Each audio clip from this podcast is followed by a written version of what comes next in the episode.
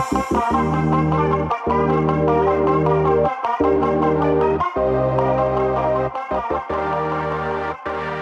hey hey welcome to Tea Fantasy Podcast. За юу байцгаана?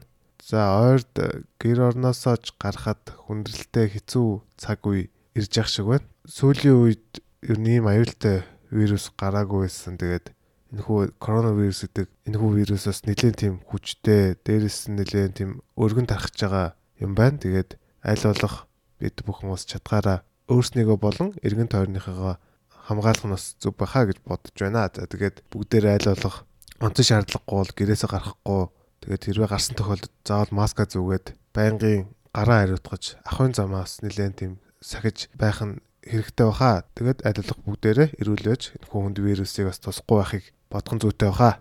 За тэгээд ойрдоо нэг коронавирус гэж юу их ярьж байна да.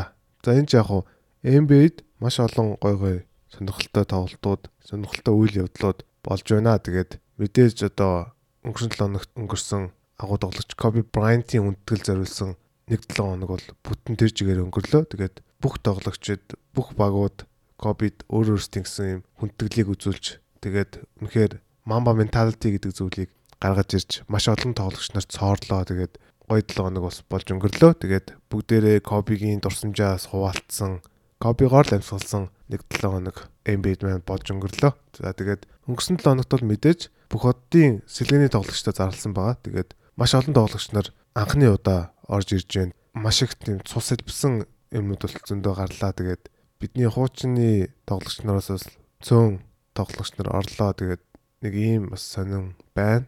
Мэдээж өнгөрсөн 7 хоногт бол фэнтези гэлтгүү NBA-г дөргөөсөн хүн бол Дэмэл Лилерд байлаа. Дэмэл Лилердийн сүүлийн 6 тоглолтын статистик бол үнэхээр агуу амар статистик байсан. Тэгээд би өөрөө хувьдаа Лемел Лилердийг хоёр фантазитай авцсан байсан. Тэгээд үнэхээр бас баяртай гоё нэг 7 хоногс болж өнгөрлөө. Миний фантазигийн хувьд. Тэгэхээр дэмдэ баярлаа гэж хэлэх нь бас зүг баха. За тэгээд олон үг нуршилгүй шууд фантазигийнхаа эхний хэсэг рүү орё.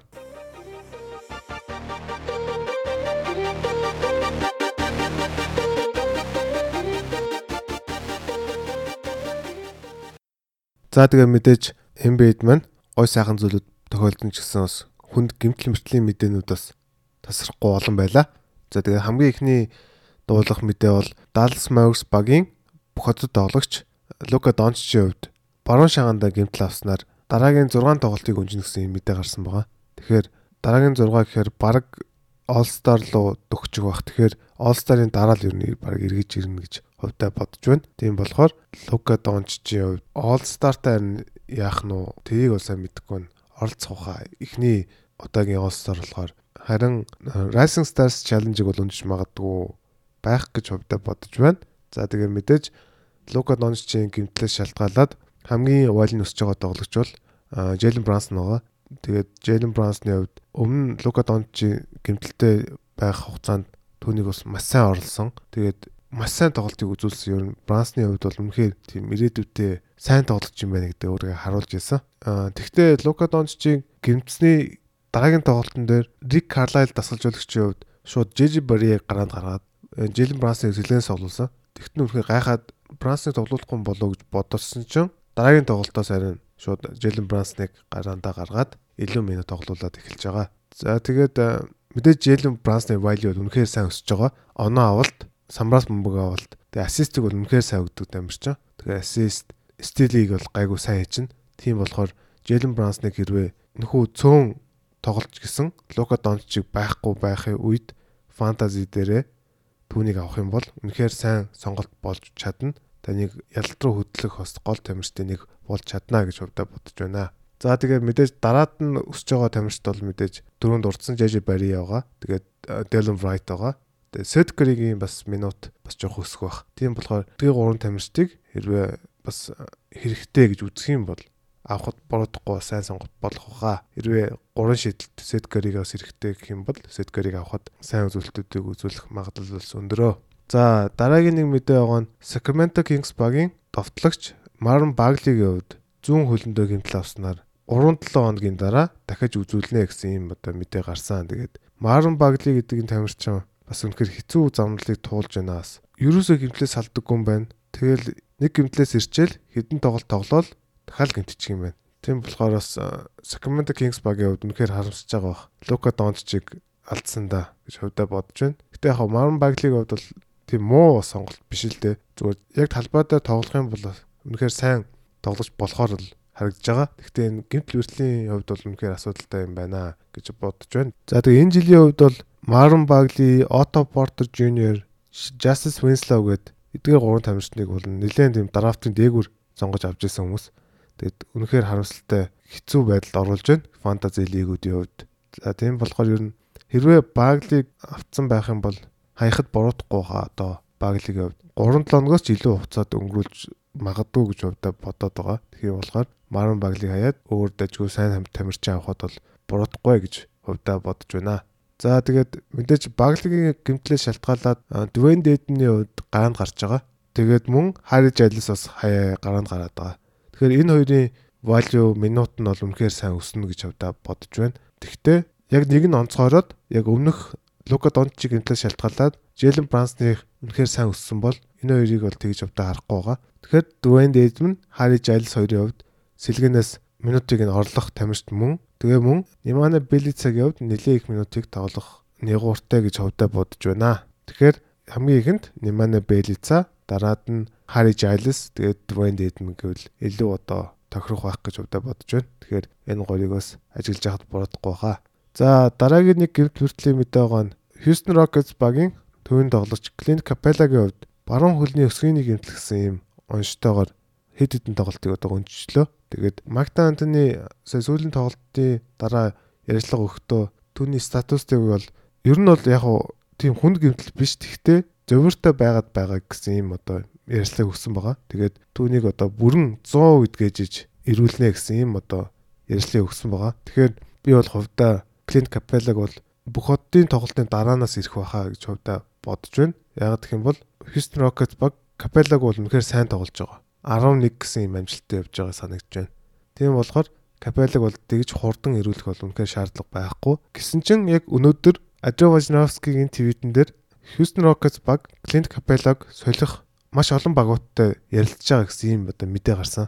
Тэгэхээр Houston Rockets баг нөгөө хүссэн одоо нөгөө жигүүрийн тоглогчоо тэгээд дахиад нэг төвийн тоглогч авна гэсэн юм одоо зоригтой байгаа юм байна. Тэгтэн бол мэдээж Clint Capella-гийн энэ одоо үнцэн Clint Capella-г явуулснаар драфт ирэхүүд авснаар одоо тэр хоёр тоглогчоо олно гэсэн юм одоо бодолтой байгаа гэсэн жиргэг хийсэн байна лээ. Тэгэхээр одоо солилцооны цог манай цагаар 5 дахь өдөр хаагдана. Тэрний өмнө бол Капеллаг өөр баг руу явуулчих магадлал бол маш өндөр болсон юм байна гэж харсан. Тийм болохоор дараагийн дугаарт Капелла өөр багт орцсон тоглолцоо явж байхыг үгүйсэхгүй гэж хувьдаа бодож байна. За тэгээд Капеллаг авах хамгийн магадлалтай багууд нэгээр Атланта Хawks явж байгаа юм байна лээ. Тэгэхээр Атланта Hawks бол төвийн тоглогчийг бол үнэхээр авах гээд байгаа юм байна. Андре Драмонд одоо Клинт Капелла байна. Тэгэхээр энэ хоёрын нэгийг авах магадлал бол нэлээд өндөр юм байна гэж хувьдаа бодож байна.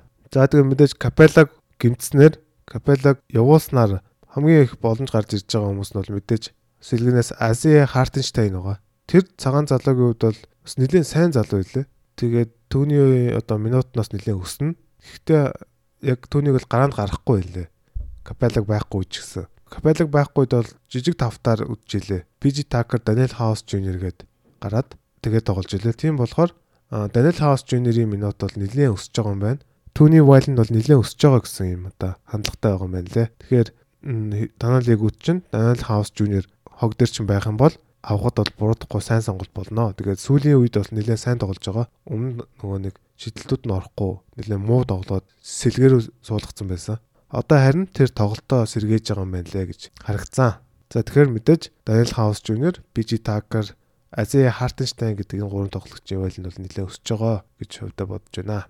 За дараагийн нэг мэдээ байгаа нь Торонто Raptors багийн түүний тоглогч Марк Газолийн хувьд зүүн хамстринг буюу зүүн гуйны арын шөрмөсөө гимтээснээр бас хэд хэдэн тоглолтыг өнчлөө. Тэгээд түүний хувьд бас нэлээд гимтэл хөвтлээ салахгүй явагдаж байна. Тэгээд хамстригийн гимтлийг өмнө авсан тэр нь одоо баруун байсан уу яг энэ зүүн хөлөө юу? Тэрийг яг сайн анзаарсангүй. Тэгээд хамстригийн гимтэл чинь болохоо ихэнхдээ нөгөө нэг ядралтаас болж гимтдэг штэ. Тийм болохоор Газолийн хувьд бол нэлээд юм ядралтай байгаа энэ зам бол нэр үнэхээр ядралтыг авсан дээ тий. Финал тоглосон. Дээрэс нь дэлхийн аврагт финал тоглосон гэдэг ч юм уу. Маш их тоглолтуудыг гэж ядралтай байгаа.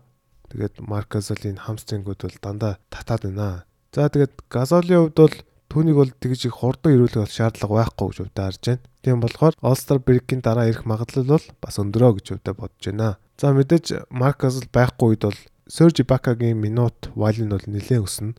Түүнийг бол заавал авсан байх ёстой тоглож болох ёстой. Тэгээд сэлгэнээс бол Крис Бушери минутаас нэлээд өснө гэж өвдө бодож байна. Тэгээд Крис Бушерийг бол нэлээд гайгүй ашиглаж байгаа. Тэгтээ 20-оос доош мэрэгдэг гэж өвдө бодож байна. Ягаад гэх юм бол Ибакагтай тавтыг бол нэг нөрс тасалж болох ч илүүд үзээд идэг.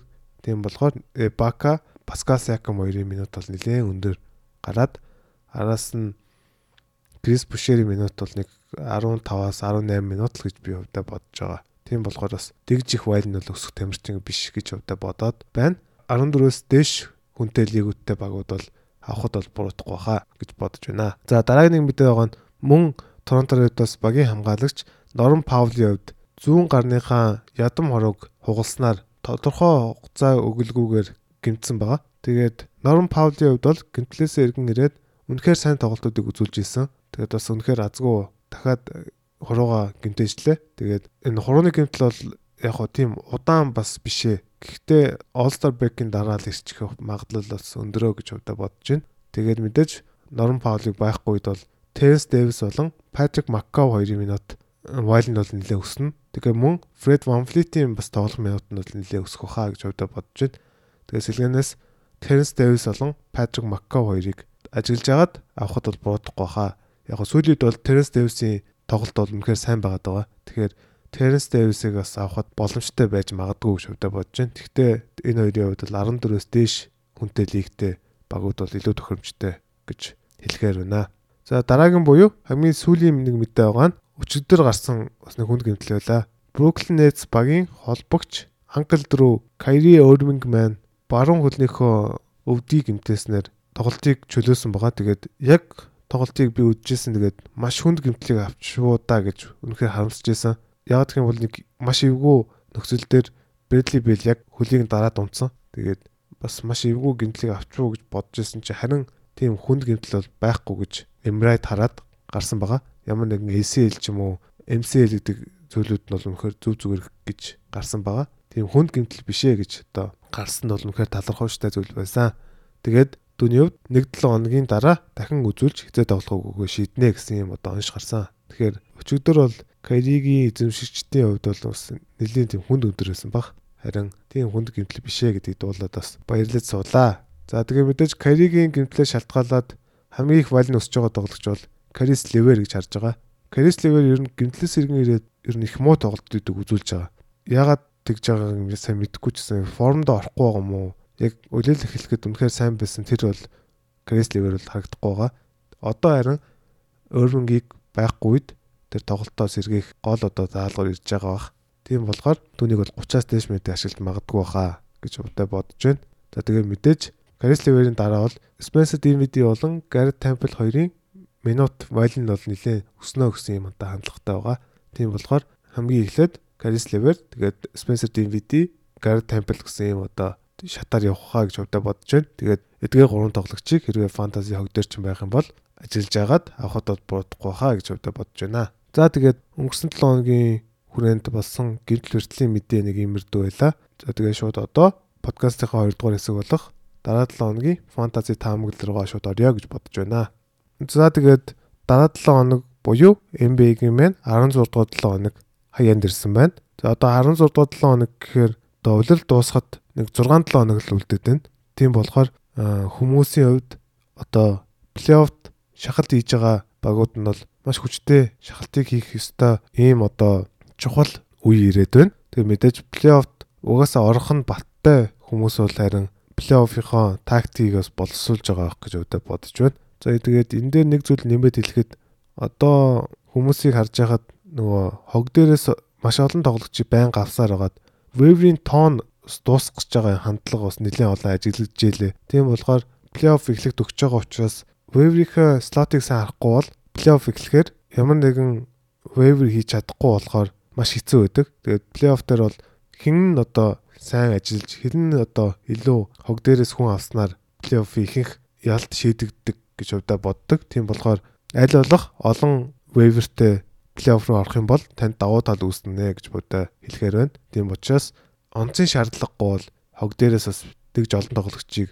аваад waiver-ийн тоог багасгах хэрэггүй гэж бодоо зөвлөх байна. За тэгээд дараа 7 хоног буюу 16 дугаар 7 хоногийн багууд хідэн тоглолт их хуваарийг харъя. За дараа 7 хоногийн хувьд бол маш олон тоглолттой нэг 7 хоног болж өнгөрөх юм байна. Ихэнх багууд нь 4 тоглолттой байгаа. Тэгээд зарим багууд нь 3 тоглолттой. Тэгээд нэгэн баг 2хан тоглолттой гэсэн юм одоо хуваартай байгаа юм байна. За тэгээ хамгийн их буюу 4 тоглолттой багуудыг танилцуулъя. Atlanta Hawks, Boston, Dallas, Detroit, Houston, Indiana, Clippers, Memphis, Miami, New York, Orlando, Philadelphia, Phoenix, Portland, Spurs гэсэн юм одоо 15 баг байгаа юм байна. Тэгэхээр лигийн тал нь 4 тоглолттой гэсэн үг. За 2 тоглолттой ганцхан баг байгаа нь Chicago Bulls байгаа. Тэгэхээр дараа 7 хоногийн үед Chicago Bulls-ийн тоглогчныг авсан багууд бол нэлээд хэцүү цаг үеийг өнгөрөөх нь байна. Тэгээд одоо Зак Лавинаас бусад тоглогчийг авсан байгаа багууд бол тэднийг хаяад өөр тоглогчийг авахд бол буруудахгүй гэж бодож байна. За тэгээд үлдсэн 14 баг нь 3 тоглолттой байгаа. За тэгээд дараа 7 хоногийн хэд хэд өдөр хэдэн тоглолттой хоёрыг танилцуулъя. За нэгд өдөр хамгийн их тоглолттой байгаа юм байна. 10 тоглолт лиг өрөнд болох юм байна. За хоёр дахь өдөр 4 тоглолттой, гурав дахь өдөр 9 тоглолттой, дөрөв дэх өдөр 5 тоглолттой, тав дахь өдөр 8 тоглолттой, хагасаа өдөр 9 тоглолттой, бүтэн сая өдөр 7 тоглолттой гэсэн юм хуваар байгаа юм байна. За тэгээд э, дараа 7 хоногийн буюу NBA-гийн 16 дугаар 7 хоногийн хувьд маш олон багууд нөгөө back to back буюу дараалсан тоглолтууд байгаа юм байна. Тийм болохоор одоо багийн гол тоглогч нар load management хийж байгаа тоглогч нараас амарх юм байна. Жишээлх юм бол Kawhi Leonard бол амарх юм байна. Russell Westbrook амарх юм байна. Магадгүй Porzingis амарч магадгүй юм байна. Victor Oladipo бас дөнгөж гимтлээс иргэнээс учраас нэг тоглолтод нөнжих байх. Тэгээ Reggie Jackson бас мөн өнжиж магадгүй. Embiid өнжиж магадгүй гэдэг ч юм уу. Маш олон тоглогч нар бас өнжиж магадгүй ийм одоо хуваар байгаа юм байна. За тэгэхээр маш олон тоглолттой учраас эсрэг багасаа давуу талыг үүсгэж хожихын тулд бол мэдээж аль болох олон тоглолттой тоглогчныг авах нь бол зүв байдаг. Тийм учраас дараа 7 хоногт сайн тоглож магадгүй. Таны фантазиг аварч магадгүй. Хогноос авал зохих 5 тоглогчийг танилцуулъя. За хамгийн ихэнд бол мэдээж Dallas Mavericks багийн холбогч Jalen Brunson-ыг онцлсан байгаа. Тэгээд түүнийг одоогоор Yahoo эзэмшигчдийн 18% эзэмшиж байгаа юм байна. За өмнөх хэсгээрээ дурдсанчлан Luka Doncic-ийн бэртэл бол Jalen Brunson-д үнэхээр их боломжийг гаргаж ирнэ. Тийм учраас Luka Doncic эзгүй байх хугацаанд бол заавал авах тамирч юм уу гэж өвдөө бодож байна. За тэгээд Luka Doncic гимцсний дараа Атлантатай хийсэн тоглолтын дээр түүний хувьд 27 оноо 8 ассист, 4 ребаунд, 2 удаа 3 шидэд 22 дотлооны 12-ыг намжилттай болгож үнэхээр сайн тоглолтыг үзүүлсэн 27 минутанд. Тийм болохоор энэ одоо статистикийг бол байнга үзүүлэхгүй гэсэн энэ шиг одоо статистикийг үзүүлэх магадлал үнэхээр өндөрөө гэж удаа бодож байна. За тэгээд өмнө нь одоо түүнийг гараанд гарсан тоглолтуудын статистикийг танилцуулах юм бол 11.8 оноо, 6.1 ассист, 4 ребаунд, 1.1 3 шидэлт, 0.4 стил гэсэн юм одоо статистикийг үзүүлсэн байна.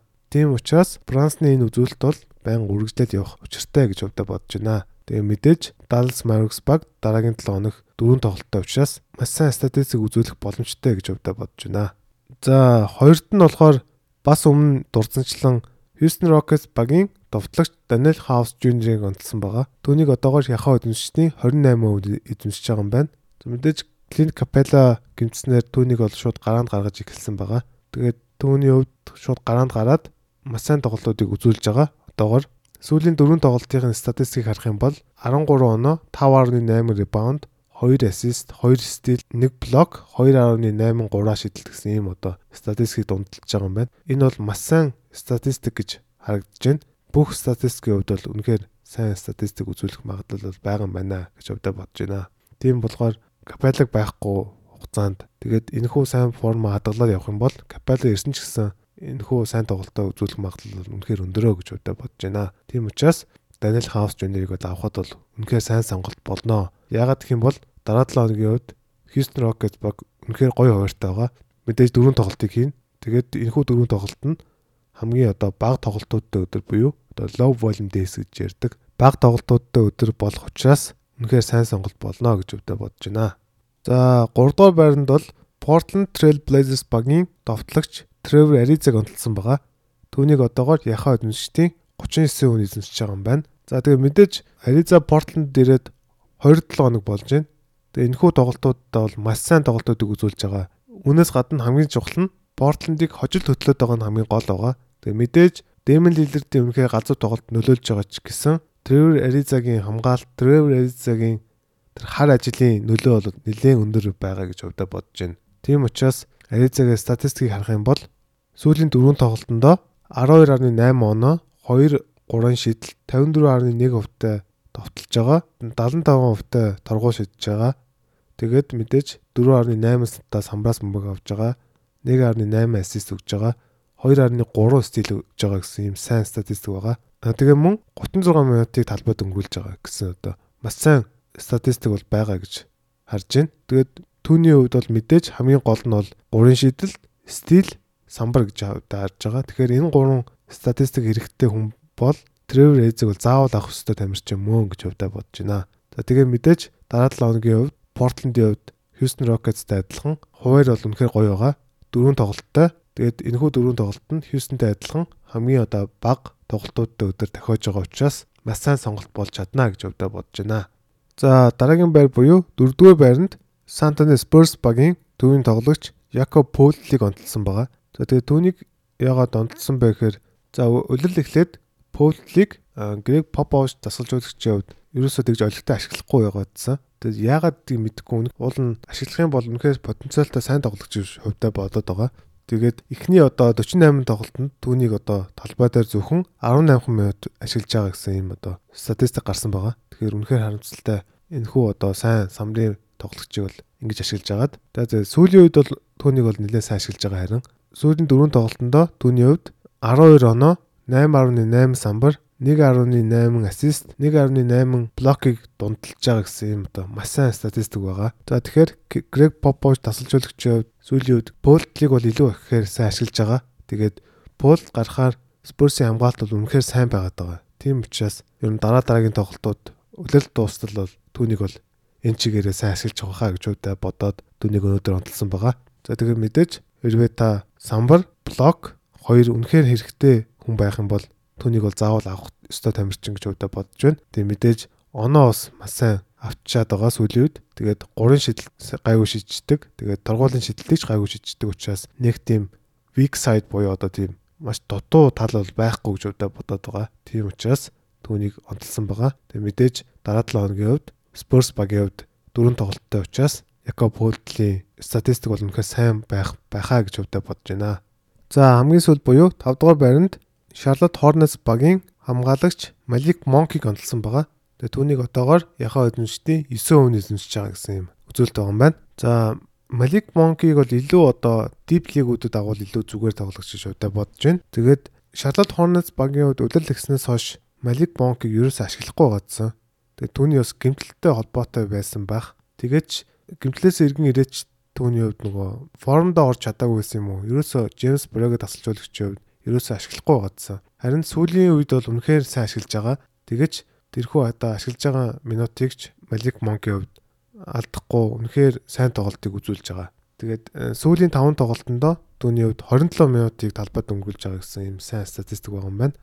Тэгээд энэхүү 27 минутанда 16.4 оноо, 3.2 самбар, 2.8 ассист, 0.8 блок, 42.4 хувьтай товтлоод байгаа юм байна. Тэгэхээр хэрвээ түүнийг одоо 25-аас дээш минут те одоо цаашлаад 30-аас дээш минутыг ашиглах юм бол түүний хувьд бол энэхүү статистик бол үргэлжлүүлээд байх чадaltaй үнэхээр сайн тамирчин гэж удаа боддог. Анх драфтахтаа л үнэхээр сайн тамирчин гэж яригдчихсэн. Драфтын хулгай болох тамирчин гэж маш ихээр яригдчихсэн энэ залуугийн хувьд. Ерөөсөө өөрийгөө харуулж чадахгүй гадсан. Харин сүүлийн үед үнэхээр өөрийгөө сайн харуулж байгаа.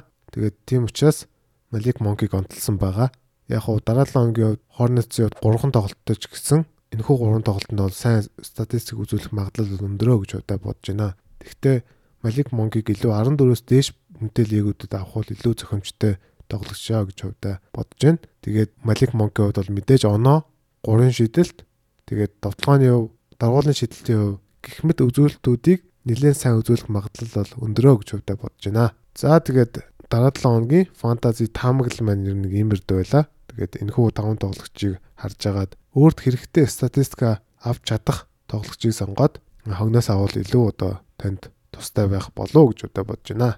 За тэгээд өмнө дурдсанчлан плей-оффт таны одоо энэ waiver чинь маш их хэрэгтэй байдаг учраас одоо хэр их waiver үлдснээ харж агаад хэрвээ баг үлдсэн бол аль болох хогноос тамирчин авахгүйгээр одоогийн энэхүү багаараа одоо ингээд дуусгах бол илүү одоо танд сайн шүү гэж хэлмээр байна. За тэгээд өнөөдрийн дугаараас энэ хүрээд өндөрлөж байна. Тэгээд за тэгээд та бүхэн NBA сонирхдаг, фэнтези сонирхдаг найзууд руугаа бас миний энэхүү подкастыг шеэрлээрэй гэж хүсэх байна. Тэгээд бүгдээрээ бас илүү олон сонсогчтой болоод илүү олон хүрээлттэй болох юм бол улам илүү гоё NBA-гээ фэнтезиг ярих боломжтой болох учраас аль болох хүмүүсөө шеэрлэж өгвөл үнэхээр баярлах байна. Тэгээ мэдээж YouTube хуудас болон Apple Podcast гэх мэт платформуд дээр маань subscribe дараад үнэлгээ сайн өгөх юм бол үнэхээр их баярлах байна. За тэгээ мэдээж дараа 7 хоног бол мэдээж солилцоон цог хаагдсан учраас маш олон солилцоо болох байх гэж өвдө бодож байна. Тийм учраас дараа 7 хоногийн дугаар бол үнэхээр сонирхолтой гой дугаар байна гэж өвдө бодож байна.